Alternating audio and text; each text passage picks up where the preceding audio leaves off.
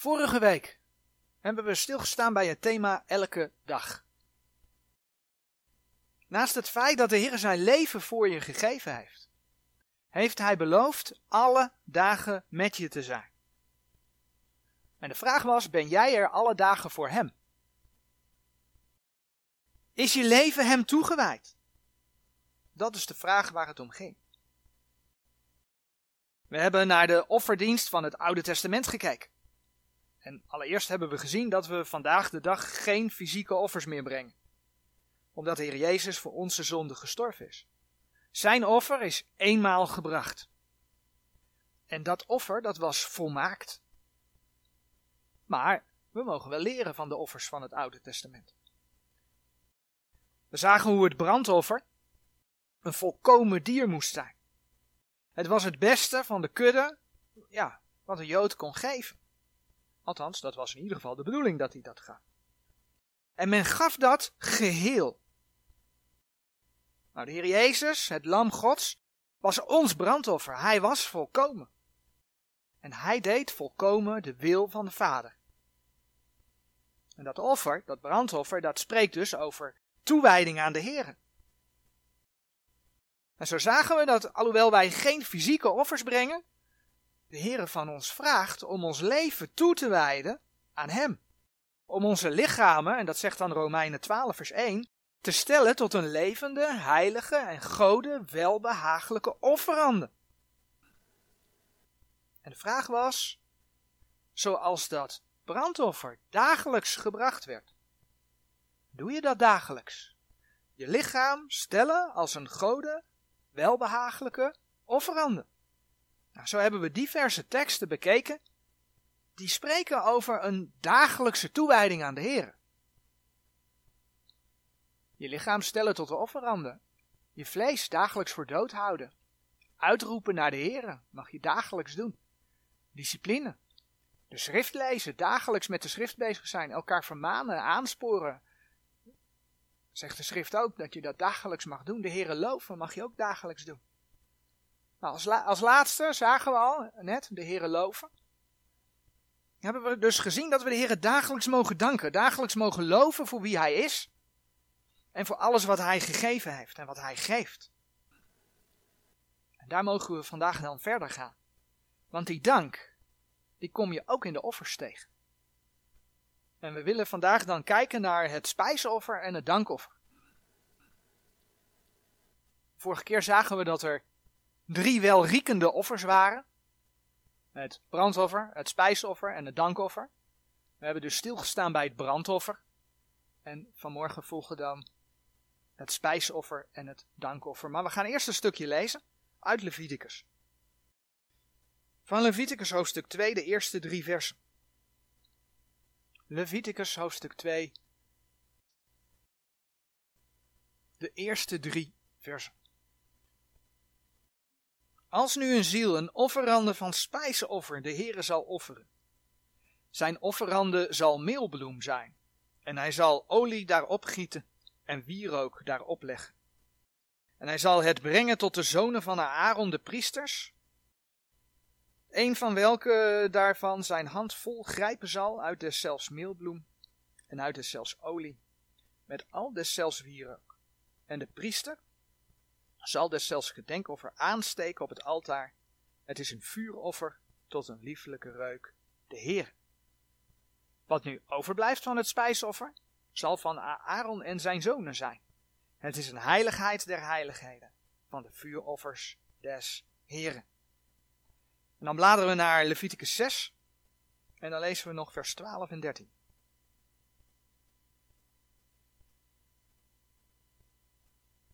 Het vuur nu op het altaar zal daarop brandende gehouden worden. Het zal niet uitgeblust worden.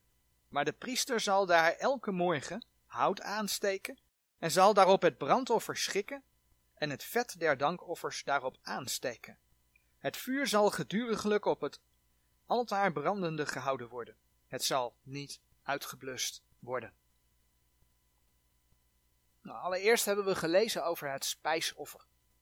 Drie versen in Leviticus. Het mooie is, als je Leviticus verder gaat lezen, en ook andere gedeeltes die over het spijsoffer gaan, dan zie je dat het spijsoffer nooit op zichzelf gebracht werd, maar altijd in combinatie met een brandoffer.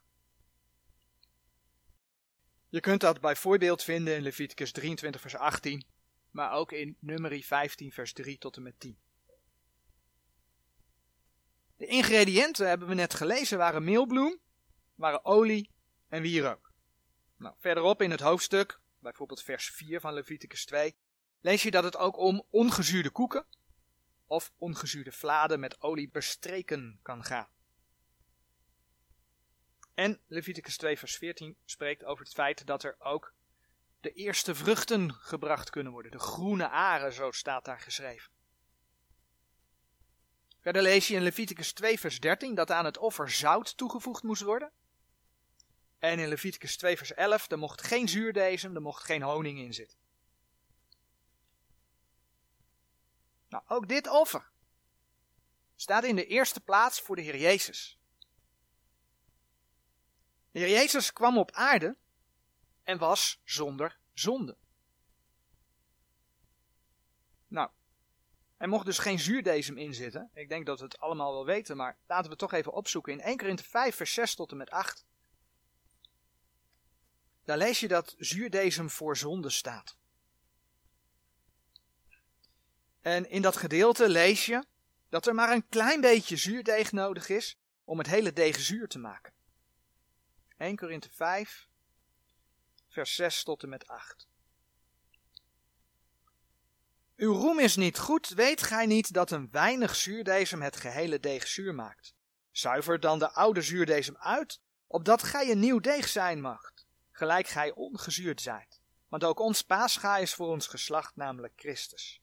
Zo dan laat ons feest houden, niet in de oude zuurdesem, noch in de zuurdesem der kwaadheid en der boosheid, maar in de ongezuurde broden der oprechtheid en der waarheid.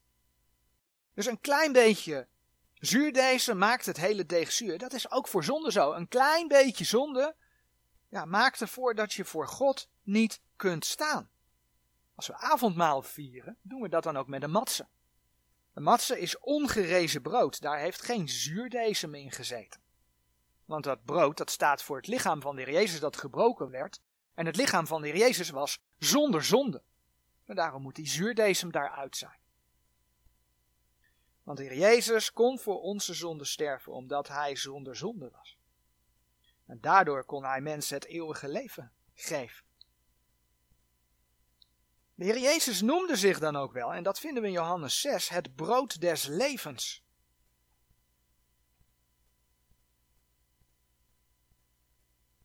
We lezen bijvoorbeeld in Johannes 6, vers 33.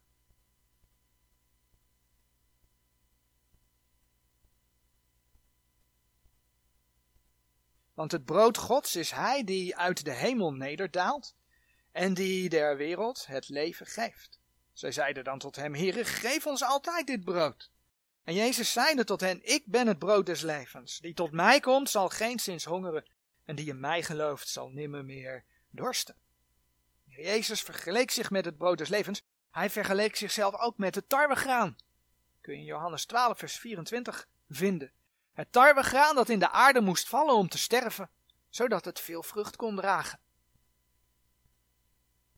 Jezus sprak dat toen hij over zichzelf sprak in Johannes 12, vers 24. Er mocht dus geen zuurdesem in zitten, maar waarom mocht er geen honing in zitten? Ik ben op zoek geweest. Het mooie is dat als je gaat lezen over honing en fermenteren, honing en gisten, dan vind je dat er in honing eigenlijk altijd sporen gist zitten.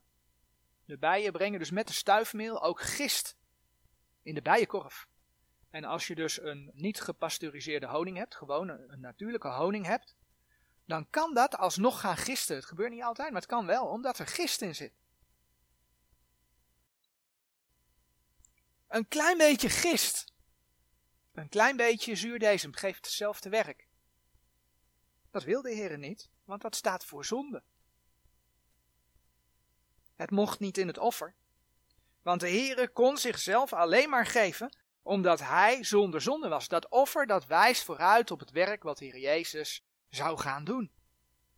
En nu weten wij, voor ons gedaan heeft.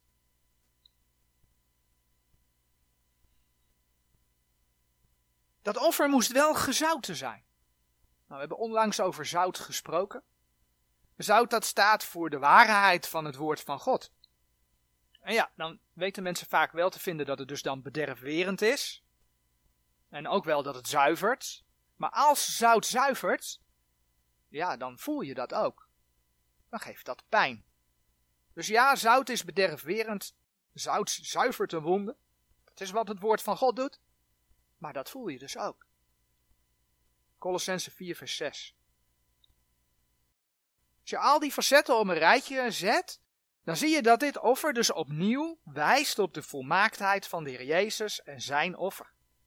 De Heer Jezus, je leest dat er olie is ook een van de ingrediënten, de Heer Jezus die Gods geest droeg. Johannes 1 vers 32 en 33, daar lees je daarover.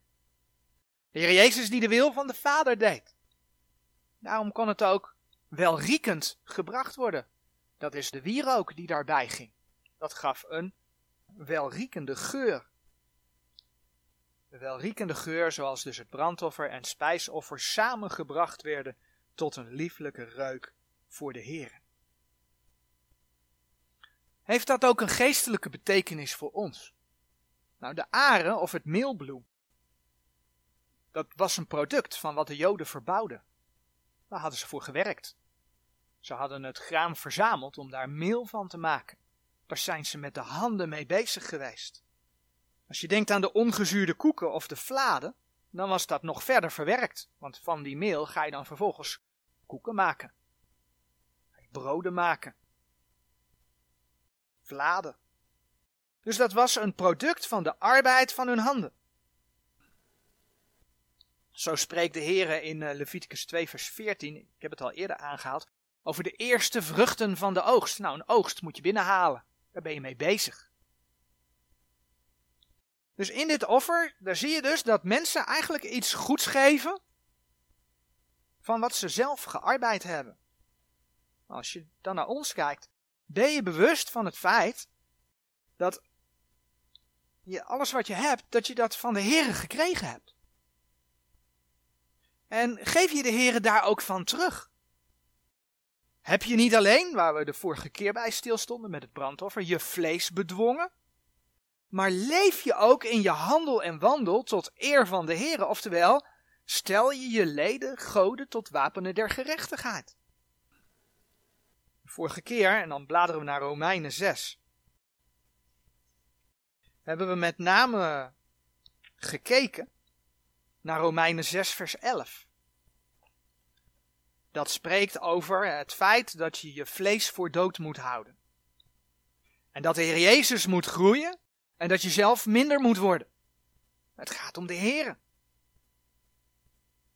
Maar als we zo bij het spijsel over het spijsoffer hebben, dan past daar heel mooi Romeinen 6 vers 13 bij. En je houdt je vlees voor dood. Wat ga je dan doen?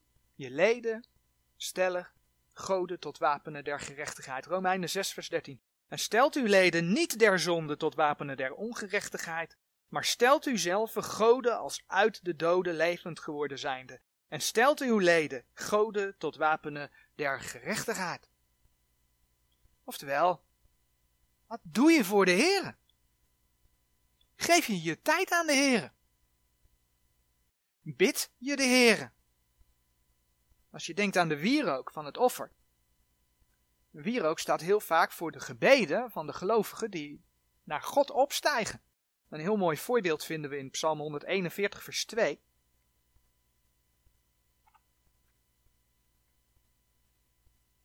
Waar David het volgende zegt. Psalm 141, vers 2. Mijn gebed worden gesteld als reukwerk voor uw aangezicht. De opheffing mijner handen als het avondoffer. Laat je veel reukwerk bij de Heer komen. Bid je hem. En dan kun je verder kijken. Stel je jezelf dienstbaar op naar je broeder of zuster.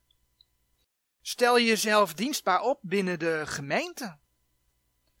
Stel je jezelf op als gezant van Christus. Gebruik je je handen, je voeten, je mond om het evangelie verder te brengen. En ja, dit geldt ook voor het geven voor de Heer. Bijvoorbeeld geven aan broeders en zusters in nood. Of geven aan de gemeente zodat het werk kan doorgaan. En je mag zelfs geven, dat laat de schrift zien, dat blijkt ook hier uit de offers, aan degene die in de dienst staan. We hebben in Leviticus 2 vers 3 het volgende gelezen. Leviticus 2 vers 3 gaat dus over het spijsoffer. En in Leviticus 2 vers 3 daar staat wat nu overblijft van het spijsoffer zal van Aaron en zijn zonen zijn. Het is een heiligheid der heiligheden van de vuuroffers des Heren. Wat was het geval? Men bracht een spijsoffer en daar werd een deel uitgehaald en dat werd over het brandoffer heen gegooid. De rest was voor degene die in de tabernakel dienden, voor de priesters. Die konden daarvan leven.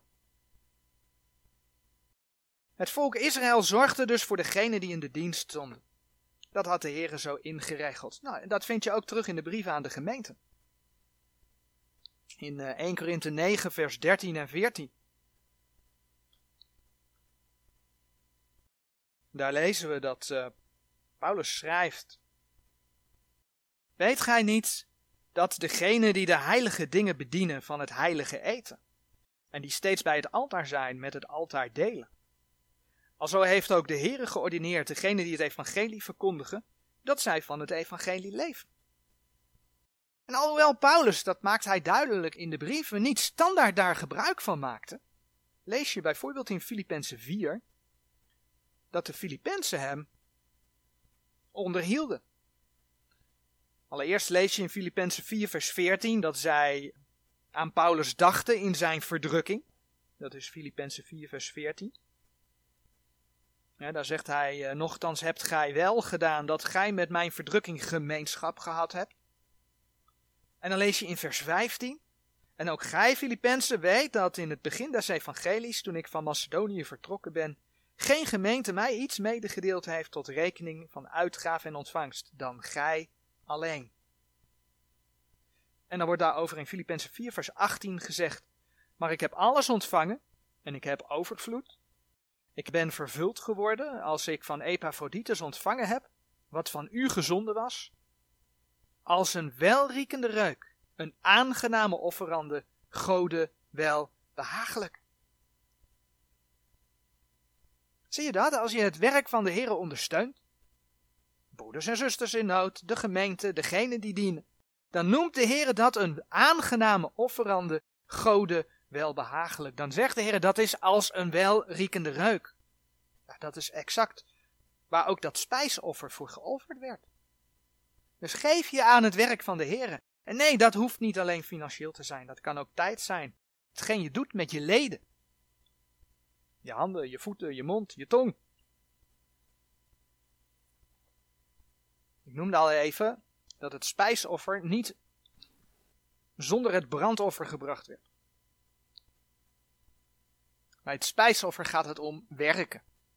Nou, al je werken voor de Heer hebben geen enkele zin als je Hem niet persoonlijk kent. Als je Hem niet als je persoonlijke verlosser aangenomen hebt.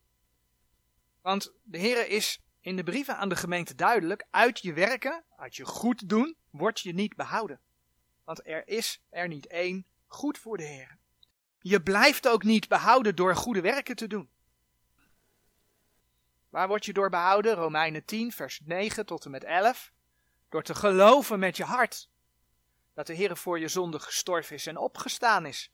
Door dat te beleiden met je mond. Dan zoeken we Efeze 2 op. Dat is uit genade door het geloof. En niet uit de werken. Laten we Efeze 2 vers 8 en 9 lezen. Want uit genade zijt gij zalig geworden door het geloof en dat niet uit u, het is Gods gave. Niet uit de werken, opdat niemand roemen. Maar dan ken je de Heere en vervolgens lees je dat de Heere vraagt dat je met hem wandelt. Dat je leeft tot eer van zijn naam, want vers 10 gaat verder van Efeze 2. Want wij zijn zijn maaksel, geschapen in Christus Jezus. Dat ben je als je een kind van God bent. Dan ben je in Christus Jezus. Dus dit gaat over de wedergeboorte. Want wij zijn zijn maaksel geschapen in Christus Jezus tot goede werken. Welke God voorbereid heeft opdat wij in dezelfde zouden wandelen. Dat heeft dus niets met behoud te maken. Maar, en dat is een ander onderwerp, wel met loon en kroon. In de eeuwigheid. De Bijbel laat zien dat als je een trouw dienaar van de Heer bent, dat je beloond wordt. In de eeuwigheid. Ja, doe je niks voor de Heer, dan zul je schade lijden. Als je dat na wilt lezen, kun je dat vinden in 1 Korinthe 3, vers 13 tot en met 15. Dat betekent dus niet dat je verloren gaat als gelovige, maar wel dat je iets mist in de eeuwigheid. Maar hoe mooi is dat je dit al terugziet in de offers. Als je het over het brandoffer hebt, het begint bij het besef dat je zelf zondig bent en dat je een volmaakt, plaatsvervangend offer nodig hebt. Die overgave en toewijding, die zie je in dat brandoffer. Daar hebben we vorige week bij stilgestaan. Maar daarop volgend mag je dus je leven in dienst van de Heer stellen, zodat ook je handel en wandel een gode, welbehagelijke offeranden zijn, tot een lieflijke reuk. En dan hebben we het over het spijsoffer. In Leviticus 6, vers 12 hebben we vanmorgen over nog een offer gelezen dat niet zonder het brandoffer komt.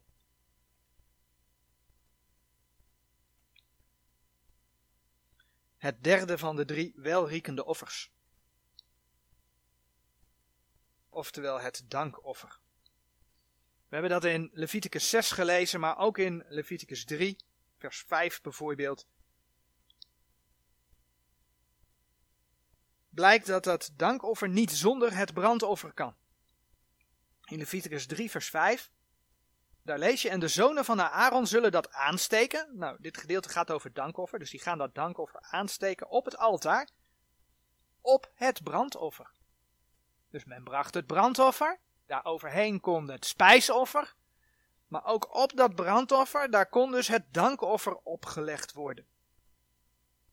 En de zonen van Aaron zullen dat aansteken op het altaar op het brandoffer, het welk op het hout zal zijn dat op het vuur is. Het is een vuuroffer tot een lieflijke reuk, de Heere. Ik kom daar zo nog op terug, dat het erop ligt. Van dat brandoffer, nee, van het dankoffer. Van het dankoffer bestaan drie soorten.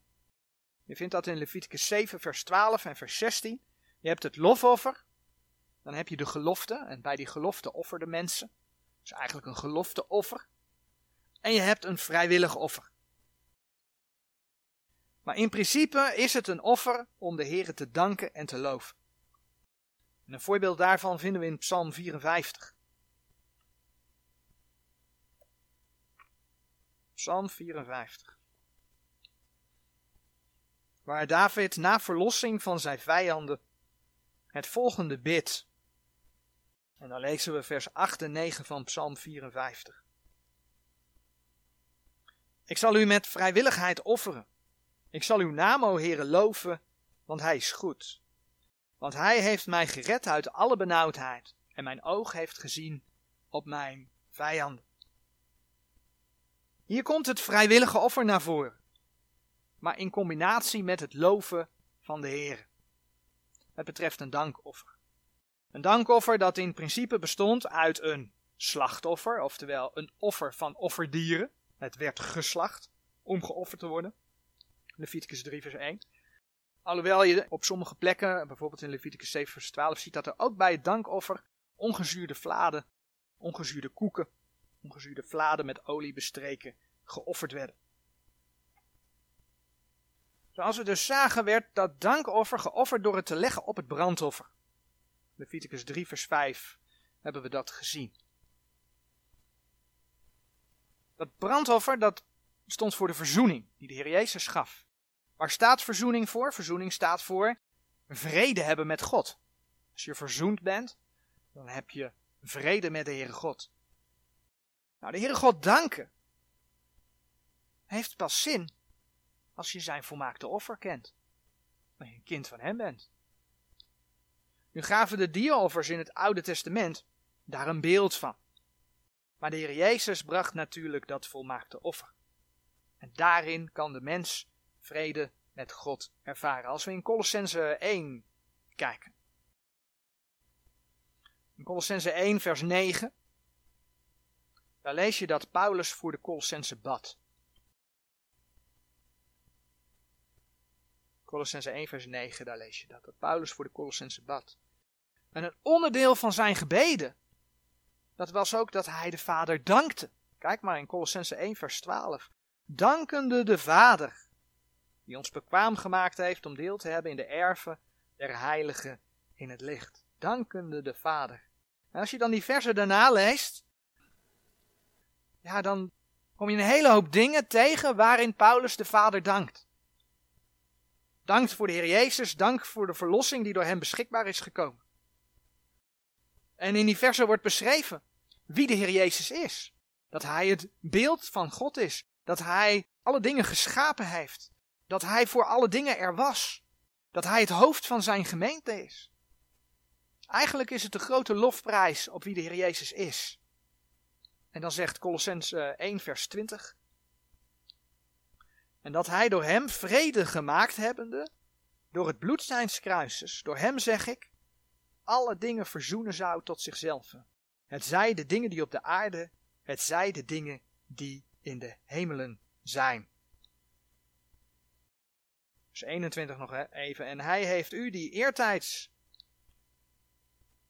vervreemd waard en vijanden door het verstand in de boze werken nu ook verzoend.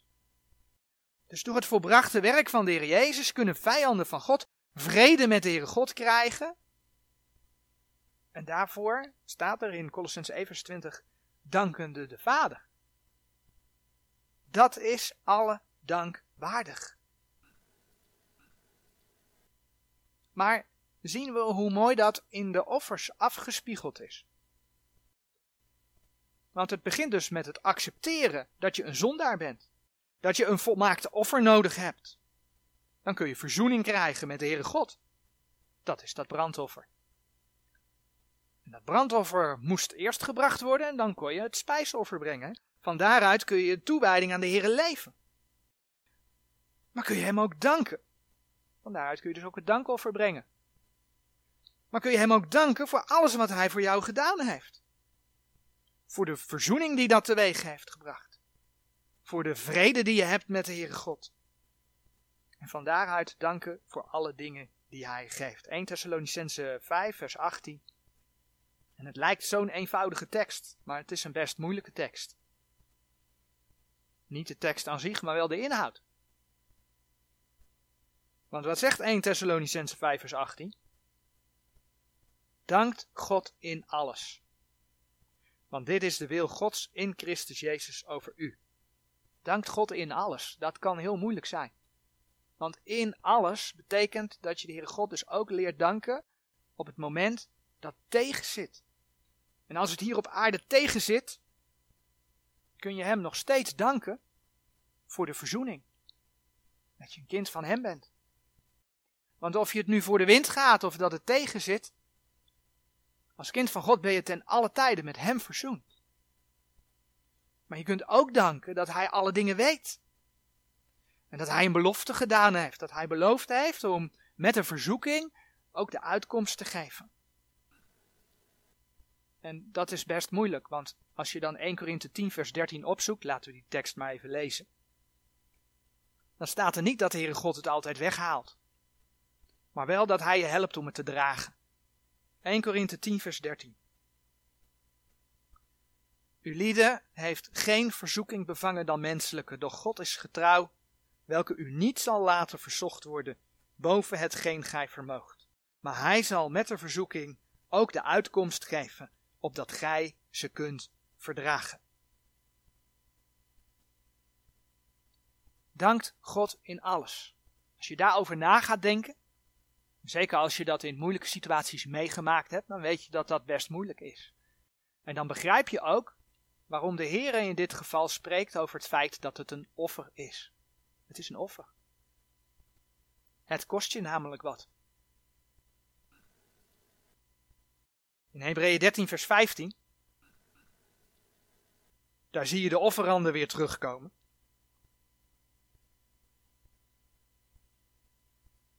Hebreeën 13, vers 15.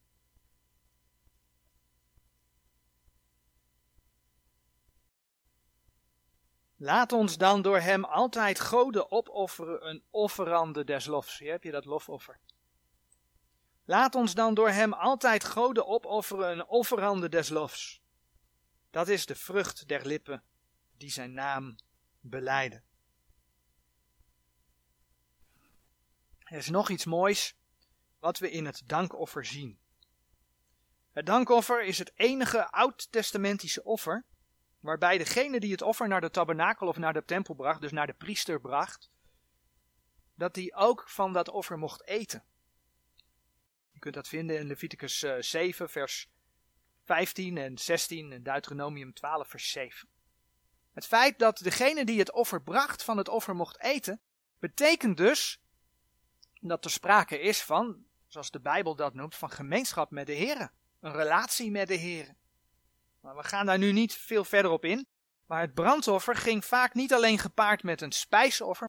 En niet alleen met een dankoffer, maar ook met een drankoffer. Als je daar meer over wil lezen, kun je dat vinden in nummer 15, vers 1 tot en met 10 en Exodus 29, vers 40. Dat ging vaak ook gepaard met een drankoffer. En waar doet dat aan denken? Spijsoffer en drankoffer. Brood en wijn. Dat doet denken aan het avondmaal. Als we dan naar 1 Korinthe 10 bladeren.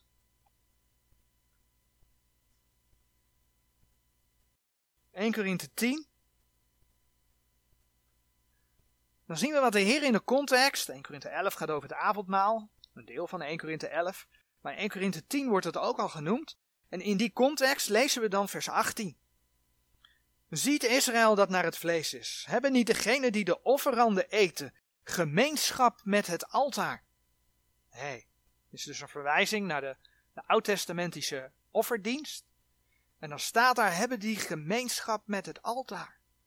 En dan lees je in vers 16 van 1 Korinthe 10, dat daar de drinkbeker en een bloed een gemeenschap met het lichaam van de Heer Jezus genoemd worden. Hé, hey, dat gaat natuurlijk over de gemeente.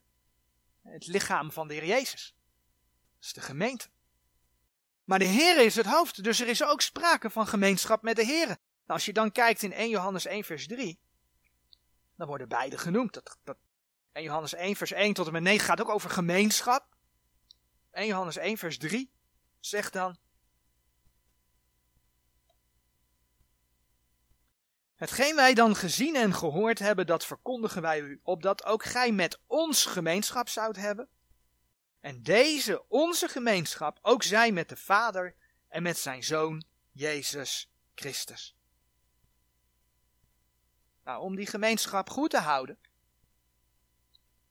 moet je vergeving voor je zonde vragen, moet je je zonde beleiden, iedere keer opnieuw.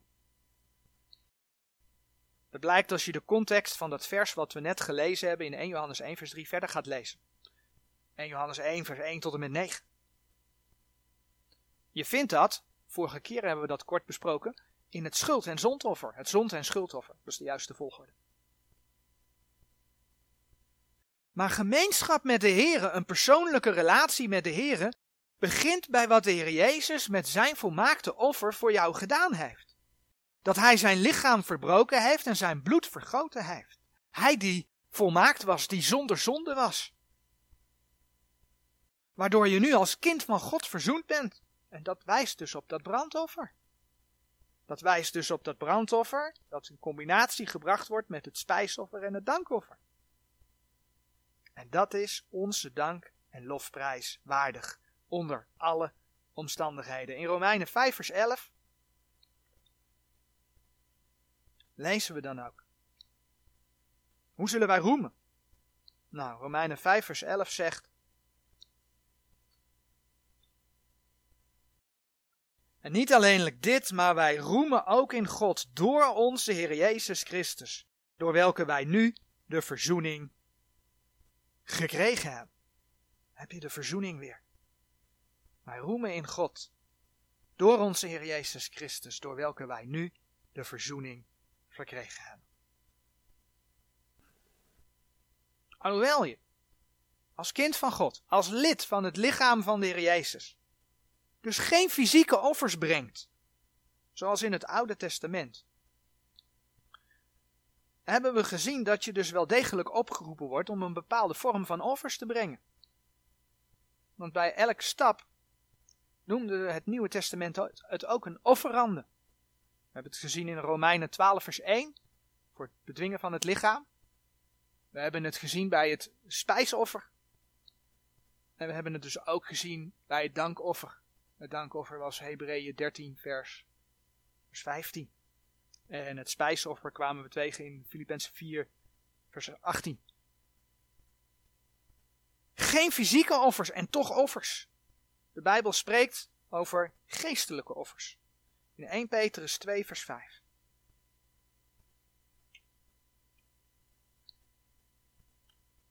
(1 Petrus 2 vers 5.